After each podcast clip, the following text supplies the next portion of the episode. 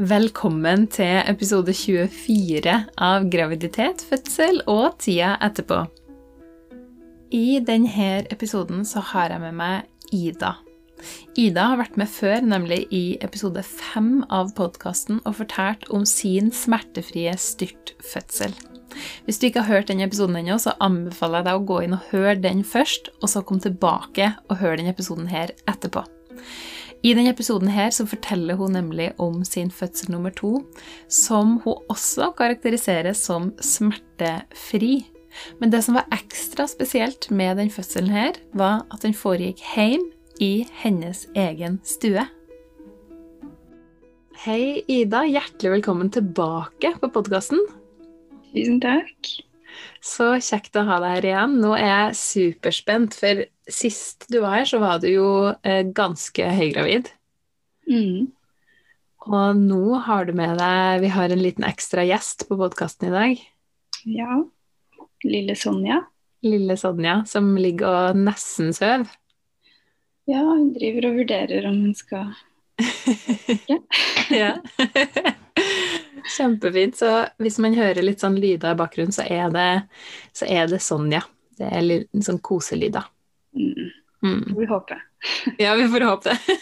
At det er koselyder. Vi får klippe det ut hvis det kommer noe annet. Jeg skal gjøre det. um, men for, eh, for dem som ikke husker eller ikke har hørt den forrige episoden du var med i, kan ikke du fortelle bare litt kort om deg og din familie? Ja. Mm. Nå er jeg jo nybakt tobarnsmor til uh, Sonja, som ble født for uh, en måned siden i morgen, faktisk. Wow. Også fra før så har vi en datter til på Hun blir tre i april. Som er gift og er psykolog. Og jeg er vel blitt litt sånn fødselsnerd, kan man si. Det er veldig spennende, da. Og angrer egentlig litt på at jeg ikke ble jordmor i stedet. Mm. Eller doula, kanskje. Ja, ikke sant? Eh, Så jeg driver og tenker litt på hvordan jeg kan bruke utdanningen min til å kanskje jobbe mer med gravide eller nybakte foreldre Ja. en gang. Men det er jo kjempespennende. Mm. Og det er jo helt sikkert mange muligheter for det. Ja, vi får se om kanskje det kommer noen ideer i mammapermen. Ja, i mammatåka. Ammetåka, ja. Ja. Jeg skal ikke ha for store forventninger til det. Sant. Um, vi har jo snakka litt, om, eh, litt om det her eh, før, men kan ikke du fortelle litt grann kort om hvordan svangerskapet ditt var med nummer to? Mm. Det var eh, veldig langt. Overraskende langt. Da vi spilte inn den forrige episoden, det var vel i starten av desember, mm. da var jeg jo sånn eh, Sendte jo melding til deg og sa hvis, jeg, hvis du ikke hører fra meg, så er det fordi jeg har født. ja. Jeg var helt sikker på at jeg skulle føde liksom, når som helst, da. Og i hvert fall før termin. Mm. Uh, og det var for at uh, Ja, for hun første ble født før termin, og så tenkte jeg at da, da kom vel nummer to også før termin. Ja. Uh, og så hadde jeg så mye sånn modningsrier og veldig mye sånn tegn på at fødselen skulle starte da, egentlig. Og så kom hun søren meg ikke før eh, 5. januar. en uke etter termin. ja. Og det er jo Altså, det er jo helt vanlig, men uh, det var bare at jeg var så innstilt på at hun skulle komme før, da. Så det ble veldig tungt og um, lenge å vente for min Ja. del. ja. Det tror jeg det er mange som kjenner på. Ja, Mm. det skjønner jeg. Ja. Sjøl om termindatoen er jo bare en cirka-dato. Ja. Eh, Men så blir man gjerne litt sånn eh, Det er så høye forventninger da, til den termindatoen. Mm. Og kanskje særlig sånn som du som da har født før termin med forrige mann. Ja. så neste gang da skal jeg innstille meg på å føde uke 42. Ja. Lurt. Alt før det er bare en bonus. Ja. Mm. Så jeg hadde veldig mye sånn skinnere da, hele svangerskapet. Og så på slutten så gikk det over til sånn modningsrier. Siste fem ukene var det vel, i hvert fall. Mm. Og de ble egentlig bare sterkere og sterkere da, jo nærmere termin. Og de siste to-tre ukene så var det nesten sånn konstante rier da, hele dagen. Wow. Det var veldig slitsomt. Uh, ja. Og hele tredje trimester var egentlig ganske sånn tungt og langt. Mm. Men de to, det første og andre trimester var ganske greit, da. Eh, Ikke noe store plager der. Ok. Men det høres jo slitsomt ut, da. Å gå med så mye ria på slutten av svangerskapet. Ja, det er det. Det hadde jeg jo egentlig med hun første også. Men eh, det var nok sterkere nå, tror jeg. Man, eh, jeg tror at man kjenner litt mer hva som skjer i livmoren når man har født en gang før. Mm. Det kan godt hende. Det er vanlig at man er mer sånn kynnere og kjenner det mer, da. Mm. Mm. Ja. Ja, det var eh, litt sånn eh, semi-uplanlagt graviditet. Vi hadde Mm. tenkt å liksom, vente noen måneder til, da. Det var sånn praktiske grunner. Det er et, eh, kjipt å bli født eh, så sent på året og sånn. Mm. eh, det var jo helt greit når, eh, når jeg ble gravid, da. Eh, vi ble veldig glade for det. Og så fant jeg faktisk ut at jeg var gravid på bursdagen til eldstedatteren min. Å, så fint. Så det var litt gøy, for at eh, på den tiden her så hadde hun begynt å si at hun ønska seg en lillebror, da. Noe som Peppa Gris. ja. Hun, hun fikk på en måte det på bursdagen sin. Mm. Kjempefint. Koselig. Ja. Og det er jo kjempefint. Og så som mor så går man kanskje og tenker litt på fødsel nå, på bursdagen til barnet sitt. Mm. Og da er det jo Det ekstra er jo spesielt. fødedagen Ja, det er det. Mm. Mm. Absolutt. Og hvordan eh, forberedte du deg til fødsel? Du fikk jo litt ekstra tid til å forberede deg men med den ekstra, ekstra uka pluss pluss. Gjorde du noe spesielt for å forberede deg? Ja, jeg var ikke så god til å bruke den tiden. Det var mest sånn ligge på sofaen og hate. ja, nei um, Jeg syns jo det er så spennende med fødsel, da, så jeg er litt sånn at jeg uh, Også når, når jeg ikke var gravid, at jeg bare leser mye om det og eh, ja, oppsøker mye sånn fødselsrelaterte greier. Mm. Um, men um, jeg leste noen bøker um, om uh, hypnobirthing. Og så en bok som heter 'Give Birth Like a Feminist'. Ja. Som, uh, Millie Hill. Ja, den er så bra. Uh, og så leste jeg Ina May, Guide, May Gaskins 'Guide to Childbirth'. Mm. Um, og så har jeg tatt et sånt fødselsforberedende kurs, som også er basert på hypnobirthing, positiv fødsel, Ja. Uh, som var veldig fint. Nyttig. Uh, og i, siden jeg tok det kurset, så fikk jeg være med i en sånn Facebook-gruppe hvor vi har hatt På slutten, da, så har det vært sånn ukentlig spørretime med jordmor Katrin Katrine Trulsvik. Yes. Så man kan sende inn spørsmål, og ja, det syns jeg var veldig fint.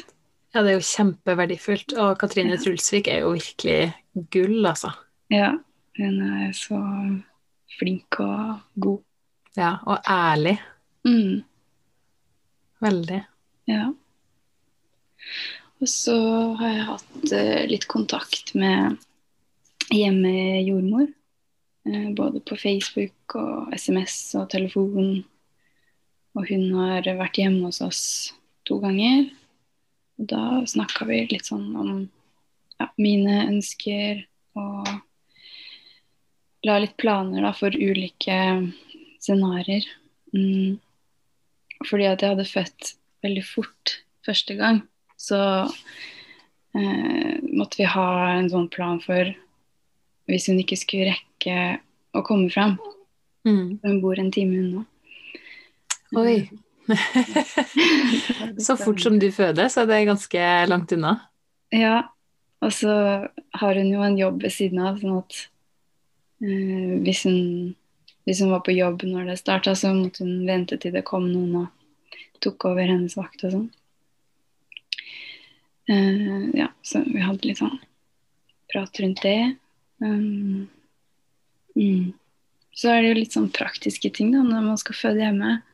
Må kjøpe inn eh, Eller må ikke akkurat, men ja, ha litt sånn gamle håndklær og sånn. Mm. Mm. Ja. ja, for du planla jo hjemmefødsel. Når bestemte du deg for det? At du ville føde hjem? Egentlig så ville jeg det første gang òg, men uh, da lot jeg meg på en måte skremme bort fra det. Fordi at uh, da visste jeg jo ikke hva jeg gikk til i det hele tatt. Og ja, det, de rundt meg syntes det var veldig skummelt, da. Mm. Og så hadde jeg jo ABC som var på en måte et godt alternativ. Eh, Men etter, eh, etter den fødselen så Da tenkte jeg at neste gang skal jeg føde hjemme. Og det har jeg liksom vært eh, bestemt på siden da. Ja. Og da vi flytta, så var noe av det første jeg gjorde, var å sjekke om det fantes noe hjemmefødseltilbud i nærheten. Og det gjorde det heldigvis. Hjemmefødsel i Hedmark er veldig gode, trygge jordmødre for de som bor i nærheten. Ja, kjempebra. Da du, du er heldig, altså, som har det i nærheten av deg. Fordi at eh, det, er, det er vanskelig i Norge å finne hjemmejordmor. Ja, det er det. Mm. Dessverre. Mm. Eh, hvilke, hva slags type reaksjoner Du sier at første, med første så ble du på en måte skremt bort fra hjemmefødsel, og mange rundt deg som syntes det hørtes veldig skremmende ut. Mm. Hvordan har det vært med nummer to? Hvilke reaksjoner har du fått fra andre? Mm. Ja, det har vært en del reaksjoner på det. Har det. Eh, både positivt og negativt. Mm, jeg tror at det er mange som syns at det er spennende, da. Og liksom har lyst til å høre om det. Kanskje ikke kjenner så mye til det, men syns det er interessant, da. Eh, men det er jo gøy. Og jeg liker jo å prate om det. Eh, ja. Så det er bare fint, syns jeg, når folk er interessert. Eh, selv om de ikke kunne tenkt seg det selv, eller ja. Ja. Eh, så er det jo en del negative reaksjoner òg, som jeg tror handler mye om at det ikke fins mye info om det, da. Mm. Med mindre man oppsøker det selv. Um, så er det ja, en del som har veldig sånn bestemt oppfatning av at det er veldig farlig, da. Eh, og som tenker at det er eh, egoistisk, for man utsetter seg selv og babyen for eh, risiko hvis man velger å føde utenfor sykehuset. Men av mine, eller, min erfaring er at de som regel ikke har noe kunnskap om det. da. Og så er de ikke, kanskje ikke så interessert i å høre om det heller, på en måte. Så jeg tror eh, det er vel sånn frykt som kanskje kommer av egen eller andres erfaring, da, hvor de kanskje tenker at, de, at det ikke ville gått bra hvis de hadde født hjemme. Og derfor må det være farlig, på en måte. Det er jo egentlig like absurd som om jeg skulle sagt at jeg ville dødd om jeg hadde født på sykehus. Fordi det er så mange faktorer som påvirker forløpet og utfallet av en fødsel. Så man vet jo aldri hvordan det hadde gått hvis man hadde endra på liksom alle omstendighetene. da. Ofte så viser det seg jo at de som hadde dødd om de hadde født hjemme, har hatt fødsler som f.eks. har blitt igangsatt, og det har vært masse intervensjoner og ting som ikke ville skjedd hjemme, da. For Ja. Når man føder hjemme, så må det jo starte av seg selv til termin. Eh, man må være helt frisk og ha hatt et normalt svangerskap. Og man gjør jo ingen intervensjoner hjemme. Mm. Eh, og grunnen til det er jo fordi at det er risiko ved alle in intervensjoner. Så man skal være på sykehuset hvis man skal få en epidural, på en måte. Og hvis det er noe antydning til noe unormalt, så, så drar man jo bare inn til sykehuset, da. Nettopp. Sånn at de låser døra hvis du da får du ikke lov til å komme. Nei. Men jeg tror du har noen veldig, veldig gode poeng der, altså. For at um, det er veldig fort å tenke at, at det er så innmari mye tryggere å føde på sykehus. Mm. Uh, og for noen så er det jo det. Mm. Uh, hvis man har et høyere risikosvangerskap, eller man vet at man vil ha epidural f.eks., så må man jo på sykehus. Ja, uh, men for, for friske, friske gravide med friske barn som fødes til, til termin, så er det helt eh, akkurat like trygt å føde hjem. Mm. Mm. Det er det jo god forskning på nå. Ja. Og det, sånn statistisk så er det jo også sånn mindre risiko for rifter, store blødninger, eh, infeksjon. Ja. ja. Det med infeksjon er sånn en veldig interessant ting, fordi at når du er hjemme, så er du, så er du omgitt av din egen bakterieflora. Ja. Mens på sykehuset så blir du utsatt for mye fremmede bakterier. Mm. Ikke sant. Mm. Men ja, det, altså, det er jo ikke, ikke for alle å føde hjemme i det hele tatt. Og man skal, skal oppfylle de kriteriene og ville det og føle seg trygg på det. Mm. Og det er ikke sånn at det er noe bedre å føde hjemme enn på sykehus. Det er jo altså For, eh, for noen så er det mye bedre å føde på sykehus. Ja, absolutt. Helt enig. Mm, Så man skal være Det er veldig bra at vi har mulighet for å få hjelp på sykehus når vi trenger det. Ja. Det er vi heldige som har mulighet til. Veldig. Lille frøkna. Kjempefint. Bare byste litt. Ja da, bare hold på det. Det er bare koselig med litt sånn babylyder i bakgrunnen. Det gjør ingenting. um, kan du fortelle, fortelle om selve fødselen? Hvordan starta det? Du hadde jo gått med Ria i ukevis. Så hva var det som skjedde som gjorde at du tenkte nå, nå er det i gang? Hva var det som var annerledes? Det var egentlig at vannet gikk. Å ja! Mm. Så det gikk eh, dagen før hun ble født. Altså hun ble født på natta, og på ettermiddagen dagen før så gikk det. Men før det, da, eh, så hadde jeg jo altså virkelig prøvd alle mulige triks for å få det til å komme i gang. Ja. Og altså, alle jeg hadde snakka med om når jeg skulle føde, var sånn Du må knipe igjen til etter nyttår. og jeg var bare sånn Fuck you. Og bare så det jeg har sagt, så har jeg selv bursdag på nyttårsaften, så jeg vet eh, hva det innebærer. Mm. Jeg har ikke noe dårlig samvittighet med at jeg prøvde å fremskynde det. Men eh, fordi jeg var jo så sliten av de, av de riene. Og ja, det var sånn hver, hver eh, kveld da, så, så bygde det seg på en måte opp. Sånn at jeg hadde ganske sterke rier. Ett minutt. Hvert tredje, fjerde, femte minutt. Wow. Så jeg tenkte jo nesten hver kveld sånn OK, kanskje det skjer nå. og så var det litt sånn stress fordi jordmor bor en time unna, og jeg visste at det kunne gå fort, så det var sånn Tenkte mye på sånn når, når skal jeg ringe henne, da? Sånn at hun rekker det. Ja. Og det var litt sånn stress med det også. Um, og så prøvde jeg to, to ganger med uh, sånn stripping, Mm. tøying av livmorhalsen. Første gangen på termin, 29. desember. Og andre gangen 1. januar.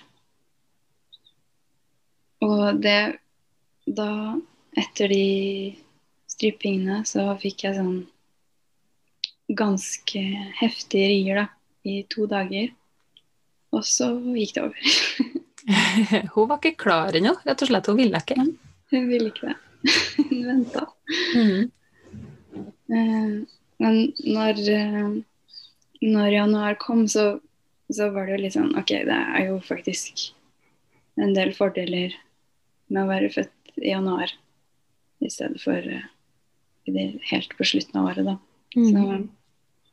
ja. Prøvde hele tiden å tenke positivt, da. Ja, det er bra. Lurt. Mm. Ehm, ja. Så hadde jeg hele tiden så mye tegn på at, at det skulle starte med rier og sånn her slimproppen som løste seg opp. Jeg følte meg som en sånn snegle som bare slimte ekstremt mye.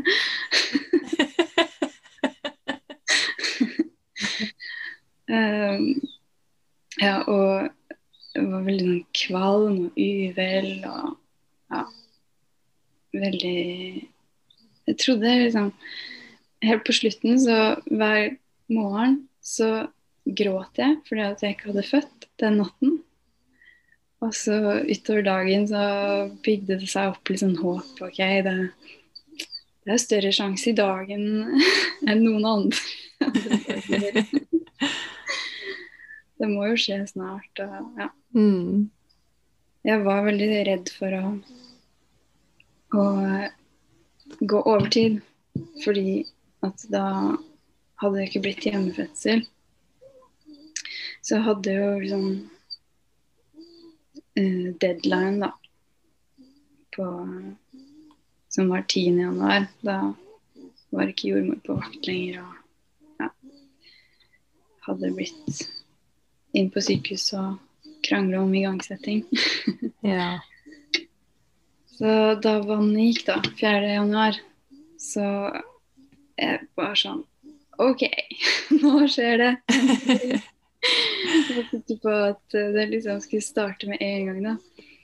Så jeg ringte jordmor og eh, mannen min og svigerinna mi som skulle være med på fødsel. De bare kasta seg rundt og eh, båret inn fødebassenget og liksom fiksa alt, da. Eh, alle tenkte at eh, nå har vi dårlig tid. ja. Eh, Første fødselen min, da gikk jo også vannet. Og da gikk det tre timer før hun var ute. mm. Men nå så skjedde det ingenting. Oh. Det, altså, timene bare gikk, og det ble liksom ikke noe ordentlig tak i de riene, da. Eh, og nå hadde jeg også sånn virkelig frist for når det skulle starte. For at hvis det går over 24 timer etter vannavgang, så er det anbefalt å sette i gang fødselen pga. infeksjonsfare. Ja. Eh, ja, så jeg hadde liksom kontakt med jordmor utover kvelden av på telefon. Eh, og så ble vi enige om at vi skulle komme og sjekke at alt sto bra til med babyen. Eh, som jeg tror det er sånn prosedyre når vannet har gått, egentlig. Mm. Så da kom hun til oss klokka halv ti. Mm. Og sjekket eh, fosterlyd og sånn, og alt var bra.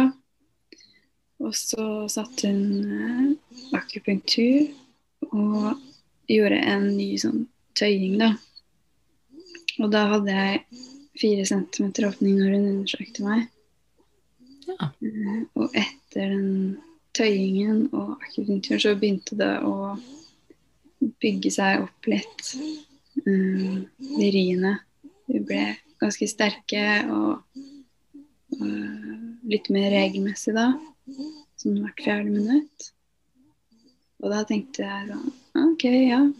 Det er sånn det skal være denne gangen. At det bare bygger seg opp sånn sakte og sikkert. Og ja, det er bra. Det her kan jeg gjøre i en evighet. Det her er jo barneskirenn, liksom. Og så, etter noen timer, da, så foreslo jordmor at jeg skulle prøve å sove litt. Eh, og da ville hun bli her, da. Eh, for at ja, hun, eh, hun visste egentlig ak akkurat hva som kom til å skje. Mm. Jeg husker at hun sa sånn Det kommer til å starte i natt, og da kommer det til å gå fort. Eh, Det var ak akkurat det som skjedde. Så hun gikk og la seg på gjesterommet, da. Og vi gikk og la oss. Og da var jeg veldig redd for at det skulle roe seg, sånn som det pleide å gjøre med de modningsriene. Mm. Og det gjorde det òg. Så jeg klarte ikke å sove helt. Lå og så på en serie. Og så til slutt så tenkte jeg bare ok, nå må jeg bare stole på at, eh, at eh, dette her eh, skjer snart.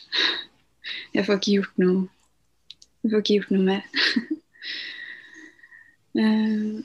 Og så litt etter klokka tolv så begynte det Så kom riene tilbake da, og da var de litt sterkere. Eh, jeg bare ja, prøvde å slappe av og eh, ja, puste meg gjennom de. Og så klokka halv ett, da kom det en ri som bare var så sinnssyk. Ut av en annen verden. Heftig. Jeg bare brølte på mannen min som lå ved siden av oss, og han våkna ikke. Han var helt i koma. Men eh, jeg klarte til slutt å vekke han. Og så kom jeg meg ned til badet i pausen før neste ri. Eh, Og da var det jo ikke noe tvil om at eh, det var i gang, så da gikk mannen min og henta jordmor, og hun var helt klar. Eh, Veldig praktisk å ha henne på gjesterommet. ja, det vil jeg tro. Eh, og så ringte vi etter svigerinna mi som kom. Hun var i nabohuset, da, så hun kom en gang. Og da begynte de å fylle i fødebassenget. Mens jeg lå på sofaen og jobba med dere monsterriene. Eh, og så Ja, de var så Det var så heftig, altså. Det var Det krevde virkelig alt jeg hadde. Å bevare roen og på en måte puste meg gjennom det. Men eh, jeg klarte å være rolig, og jeg var aldri noe redd eller sånn. Jeg var egentlig bare glad for at, eh, at fødselen var i gang, da, endelig. Og at jeg skulle At det ble hjemmefødsel, som jeg ønsket meg. Ja. Eh, ja. Så jeg bare forsvant litt sånn inn i min egen verden. Fødeboblen. Og mistet helt begrep om tid og slutta å tenke. Jeg bare var liksom i kroppen. Um, og så gikk jeg opp i fødebassenget når det var klart. Og det var så digg. Da følte jeg at jeg var litt mer sånn til stede igjen. Eh, og så var det litt lite vann i bassenget, fordi at vi har litt for liten varmtvannsspreder. Så da løp mannen min og svigerinna mi frem og tilbake fra kjøkkenet og kokte vann. uh, jeg tror egentlig de hadde det ganske sånn travelt. For jeg hadde en sånn lang liste med ting som jeg ville at de skulle fikse. da. Oh, ja. Denne stearinlys sånn og sånn. Og, ja. Skikkelig Birthzilla. Men det er, det er lov, altså. Jeg vil bare skyte inn det, fordi at det er du som føder. Ja. Og det er helt lov å ha liksom en liste med ting som du trenger for å ha det, for å ha det bra. Jeg syns det er superbra å høre at du gjør det, altså. ja. Jeg vet ikke om de syns det var like bra. Jeg tror de syns det var greit også. De var veldig flinke. Så bra. Ja. Så drev jeg liksom kommanderte Jeg drev og kommanderte de litt, og jordmora kommanderte de litt sånn underveis. Um, altså hver gang jeg fikk en ri, så ropte jeg på mannen min, da, for at jeg ville at han skulle liksom holde uh, Gi meg sånn motpress i hoftene. At man presser liksom hoftene mot hverandre. Uh, for det føltes som at jeg bare skulle gå i oppløsning. Og hvis han ikke holdt meg sammen, da. På en måte. Mm. Eh, ja, så jeg ropte på han hver gang og var sånn Hardere! jeg tenkte ikke på at det var veldig tungt for han, så han fikk jo omtrent senebetennelse av det derre opplegget. Han var veldig god, altså. Eh, anbefaler alle å få partner til å, til å lære seg sånn hip squeeze. Mm. Det var veldig nyttig, syns jeg. Ja, det er, veldig, det er kjempepopulært. Mange som liker det veldig godt. Mm, det skjønner jeg. Mm. Nei, det var, sånn, det var helt sånn magisk stemning, stemning. Bare så rolig og behagelig, og hadde på litt sånn rolig musikk. Og det var fyr i peisen, masse stearinlys. Så var det helt sånn helt mørkt og stjerneklart ute. Mm.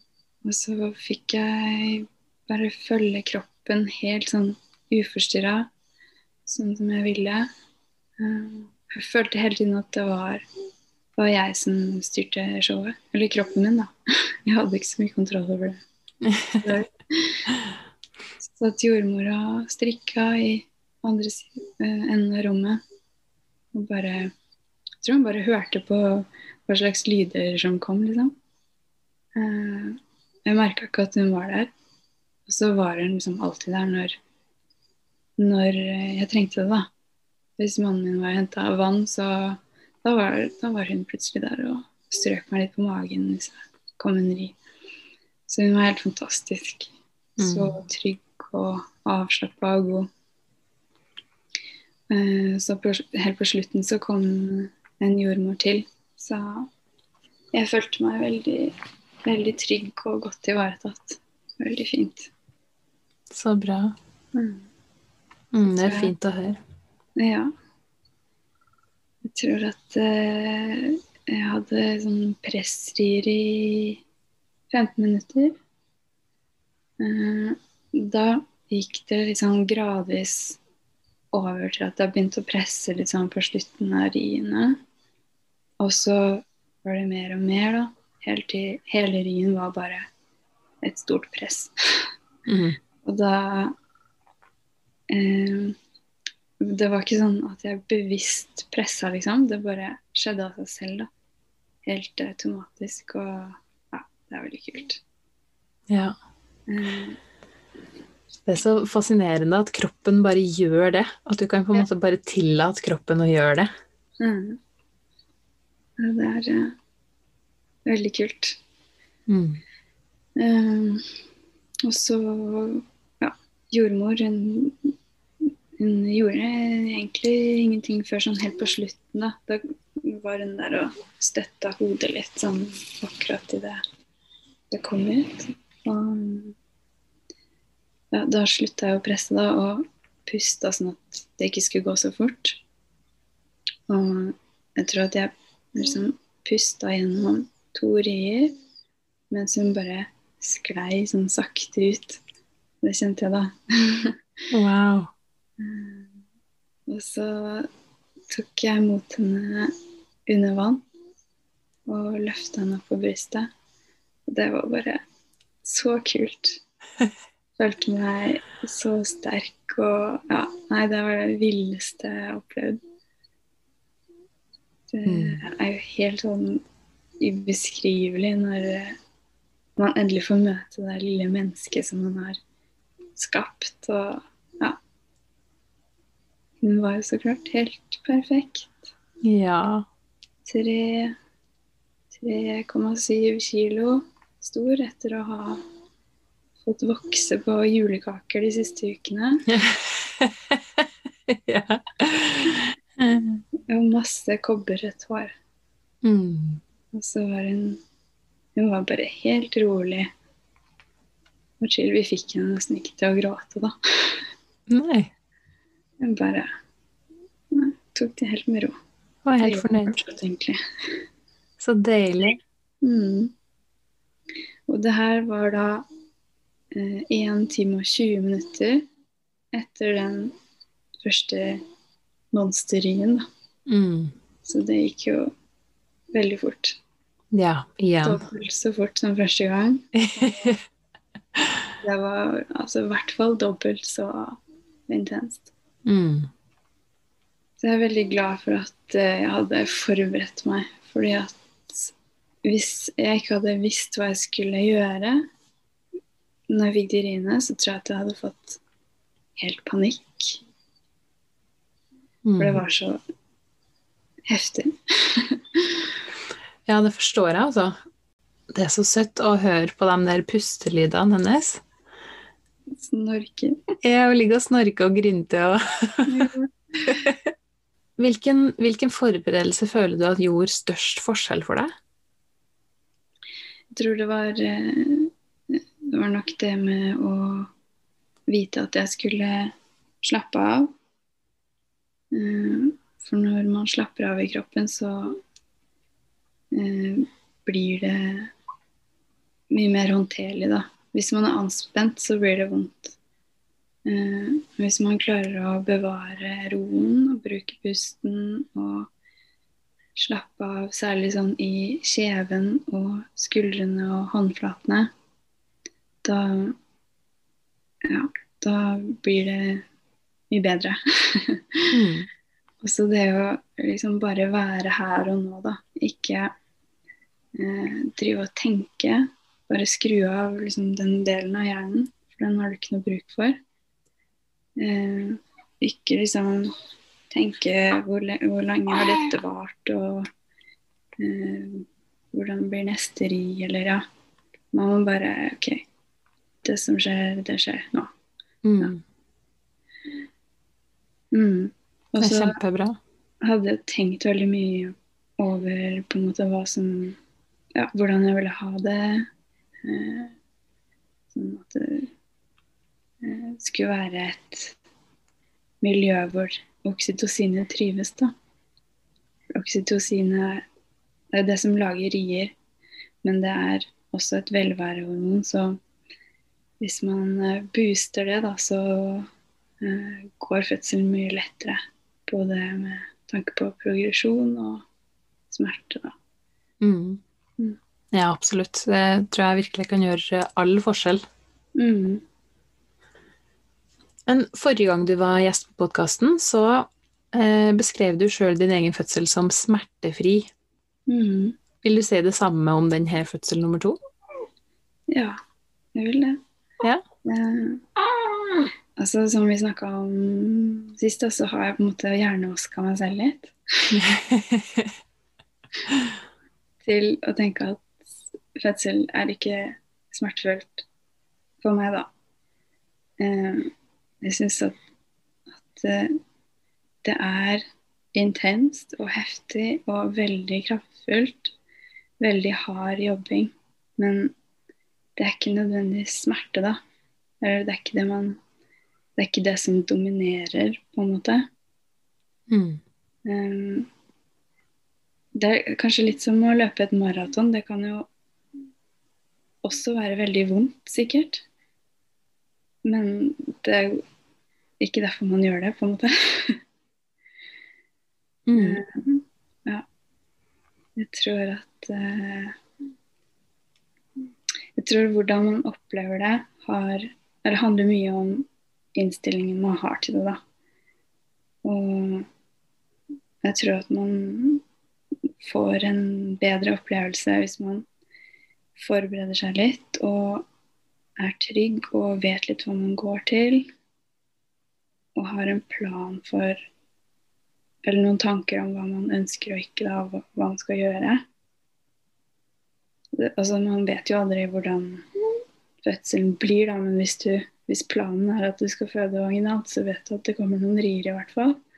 Mm. Så da kan man jo forberede seg litt på hvordan man skal eh, ta de, da, for å si det sånn. Ja, Mm. absolutt. Ja. Og for min del så har jeg liksom fokusert på den kraften som riene er, da. Det, jeg syns bare det er så utrolig fascinerende. Det er virkelig sånn urkraft som man er i kontakt med. Og det er bare under fødsel at du kjenner på de kreftene der. Eh, og det syns jeg er veldig kult. Ja, det, det er helt rått, og det er, det er veldig, veldig fascinerende hva som kan på en måte komme fram i, i ei kvinne som føder. Mm. Ja. Det er helt, eh, helt magisk, og noe helt eget, som du sier. Mm. He, hei, Sonja. Stemme seg helt om jeg skal være våken eller ikke. Nei. Veldig rolig, da. Herlig. Behagelig dame. Mm, ja. Hvordan, eh, hvordan har tida etter fødselen vært? Eh, Det har vært eh, veldig fint. Jeg har vært i så utrolig god form hele tiden. Jeg fikk, eh, fikk ingen rifter og veldig liten blødning og sånn, så jeg følte meg egentlig bare skikkelig bra etter fødselen. Jeg var litt sånn støl i magen, men ellers så hadde jeg ikke vondt noe sted. Jeg var ikke øm i tissen engang. Så deilig, da. Ja. Så eh, ja, det har vært eh, veldig deilig å ikke være gravid lenger. Jeg Mm. følte meg ti kilo lettere med en gang. Og Ja. ja, jeg, had, jeg hadde litt sånn modnings... Eller nei, ikke modningsrier, etterrier den gangen her. Og, men det var på en måte bare litt sånn innimellom. Og mye mindre enn de modningsriene som jeg hadde i ukevis. Det var Ja, det var helt greit. Mm. Og så var det egentlig litt eh, eh, flaks, fordi Sonja ble født rett etter de nasjonale besøk, besøksforbudet ble innført. Ja. De to første ukene de fikk vi liksom helt for oss selv. Og det var veldig, veldig deilig å bare få den tiden da, til å ja, bli litt kjent og tilpasse seg. I hvert fall storesøster og sånn. ja, klart det. Hvordan har det gått med storesøster? Det har gått så bra. Hun, eh, hun sov jo gjennom hele fødselen. Så vekket vi henne etterpå, da. Rett etter fødsel, rett etter hun var født. Og da Hun bare Hun gråter. Jeg må ned og trøste henne, mamma. Ja. Så fint. Ja, og hun var bare Hun har vært så stolt og betatt av lillesøsteren sin. Ikke vært noe sjalu, egentlig. Bare sånn helt oppslukt i henne, da. Vi fikk jo nesten ikke holde henne de første dagene. Det var bare hun som skulle. Ja, så koselig, da. Så det har gått over all forventning. Mm. Herlig. Når du, nå, er, nå er det jo ikke så veldig lenge siden du fødte hjem, det er jo bare en måned siden. Ikke det engang. Mm. Um, hva, når du ser tilbake på det, hva vil du si at var det beste med å føde hjem? Det, altså, det må være den tryggheten i å være hjemme hos seg selv, på en måte. At mm, Ja, og kontinuiteten, da, i oppfølgingen fra jordmor. At det er en som du kjenner som kommer, som kjenner deg. Og det er noen som kommer på en måte hjem til deg, der du bestemmer, da. Eh, jordmor er, er bare en gjest, på en måte. Hun er på besøk. Mm. Det er litt omvendt på sykehus, kanskje. At man føler seg som gjesten. Så ja, jeg følte hele tiden at, at jeg hadde At det var jeg som hadde kontroll, da, på en måte. Og det var veldig trygt. Mm. Og nå med tanke på korona, så var det jo veldig deilig å vite at, at de jeg ville ha med, kunne være med. Mm. Ja, det er jo kjempefint. Mm. Det er kjempeflott at det går an på hjemmefødsel, syns jeg. At du kan på en måte velge ditt team. Ja. Mm. Eh, flott. Er det noe mer som du, vil, eh, som du vil si om denne fødselen, som du vil dele om hjemmefødsel, noen tanker som du har? Mm. Og det er vanskelig å komme på i ammetåka. det trenger ikke å være noen ting, altså. Jeg føler meg litt sånn dement. Jeg vet ikke hva jeg har sagt, eller Det er helt greit. Du har jo, du har jo allerede nevnt noen eh, veldig gode ressurser i starten av episoden. Har du noen flere ressurser som du vil anbefale til gravide eller småbarnsforeldre? Eh, Ja, det er eh, en podkastepisode fra en podkast som heter Birth Ed. Og de har en episode om hjemmefødsel som jeg syns er veldig fin. Ja. Og så er det på Instagram The Naked Doula. Har jeg oppdaget nå i det siste. Den er veldig sånn informativ eh, ja, Instagram-konto. Og Eva Rose må jeg bare nevne igjen. ja. Hvis det er så fantastiske bilder rundt her. Helt enig. Det er absolutt verdt å nevne Eva Rose. Hun kan nevnes i hver episode. Det er helt greit. Eh, også, Jeg har en sånn veldig fin artikkel fra The Lancet, en forskningsartikkel. Sånn eh, oppsummeringsstudie som jeg kan sende deg. Ja, gjerne. Da deler jeg det i episodeteksten. Kjempeflott. Ja. Supert. Kjempefine ressurser. Tusen takk for det. Åh, eh, jeg har litt så vanskelig for å avslutte, for det skjedde du har amme, og det er så fint, og du har sånn sollys som skinner på deg, og Tusen hjertelig takk for at du kom tilbake på podkasten, Ida, og med Sonja. Det var veldig hyggelig. Så innmari fint å ha deg med. Takk. Takk for at du hørte på graviditet, fødsel og tida etterpå. I neste ukes episode er det Ida fra podkastsponsoren Liten og Trygg som er gjest på podkasten. Eh, Ida er sykepleier og småbarnsmamma, og hun brenner for sikkerhet til baby og barn. Og i neste ukes episode så snakker vi om barnesikring av huset, hvilket utstyr det er lurt å ha tilgjengelig, og hva som er fullstendig unødvendig. Hvis du likte denne episoden, er det supert om du legger inn en anmeldelse eller deler podkasten med noen du tror vil ha glede av den. Ikke glem å abonnere, så får du beskjed når det kommer nye episoder. I tilfelle det var noen tvil, så vil jeg også nevne at jeg ikke er verken lege eller jordmor.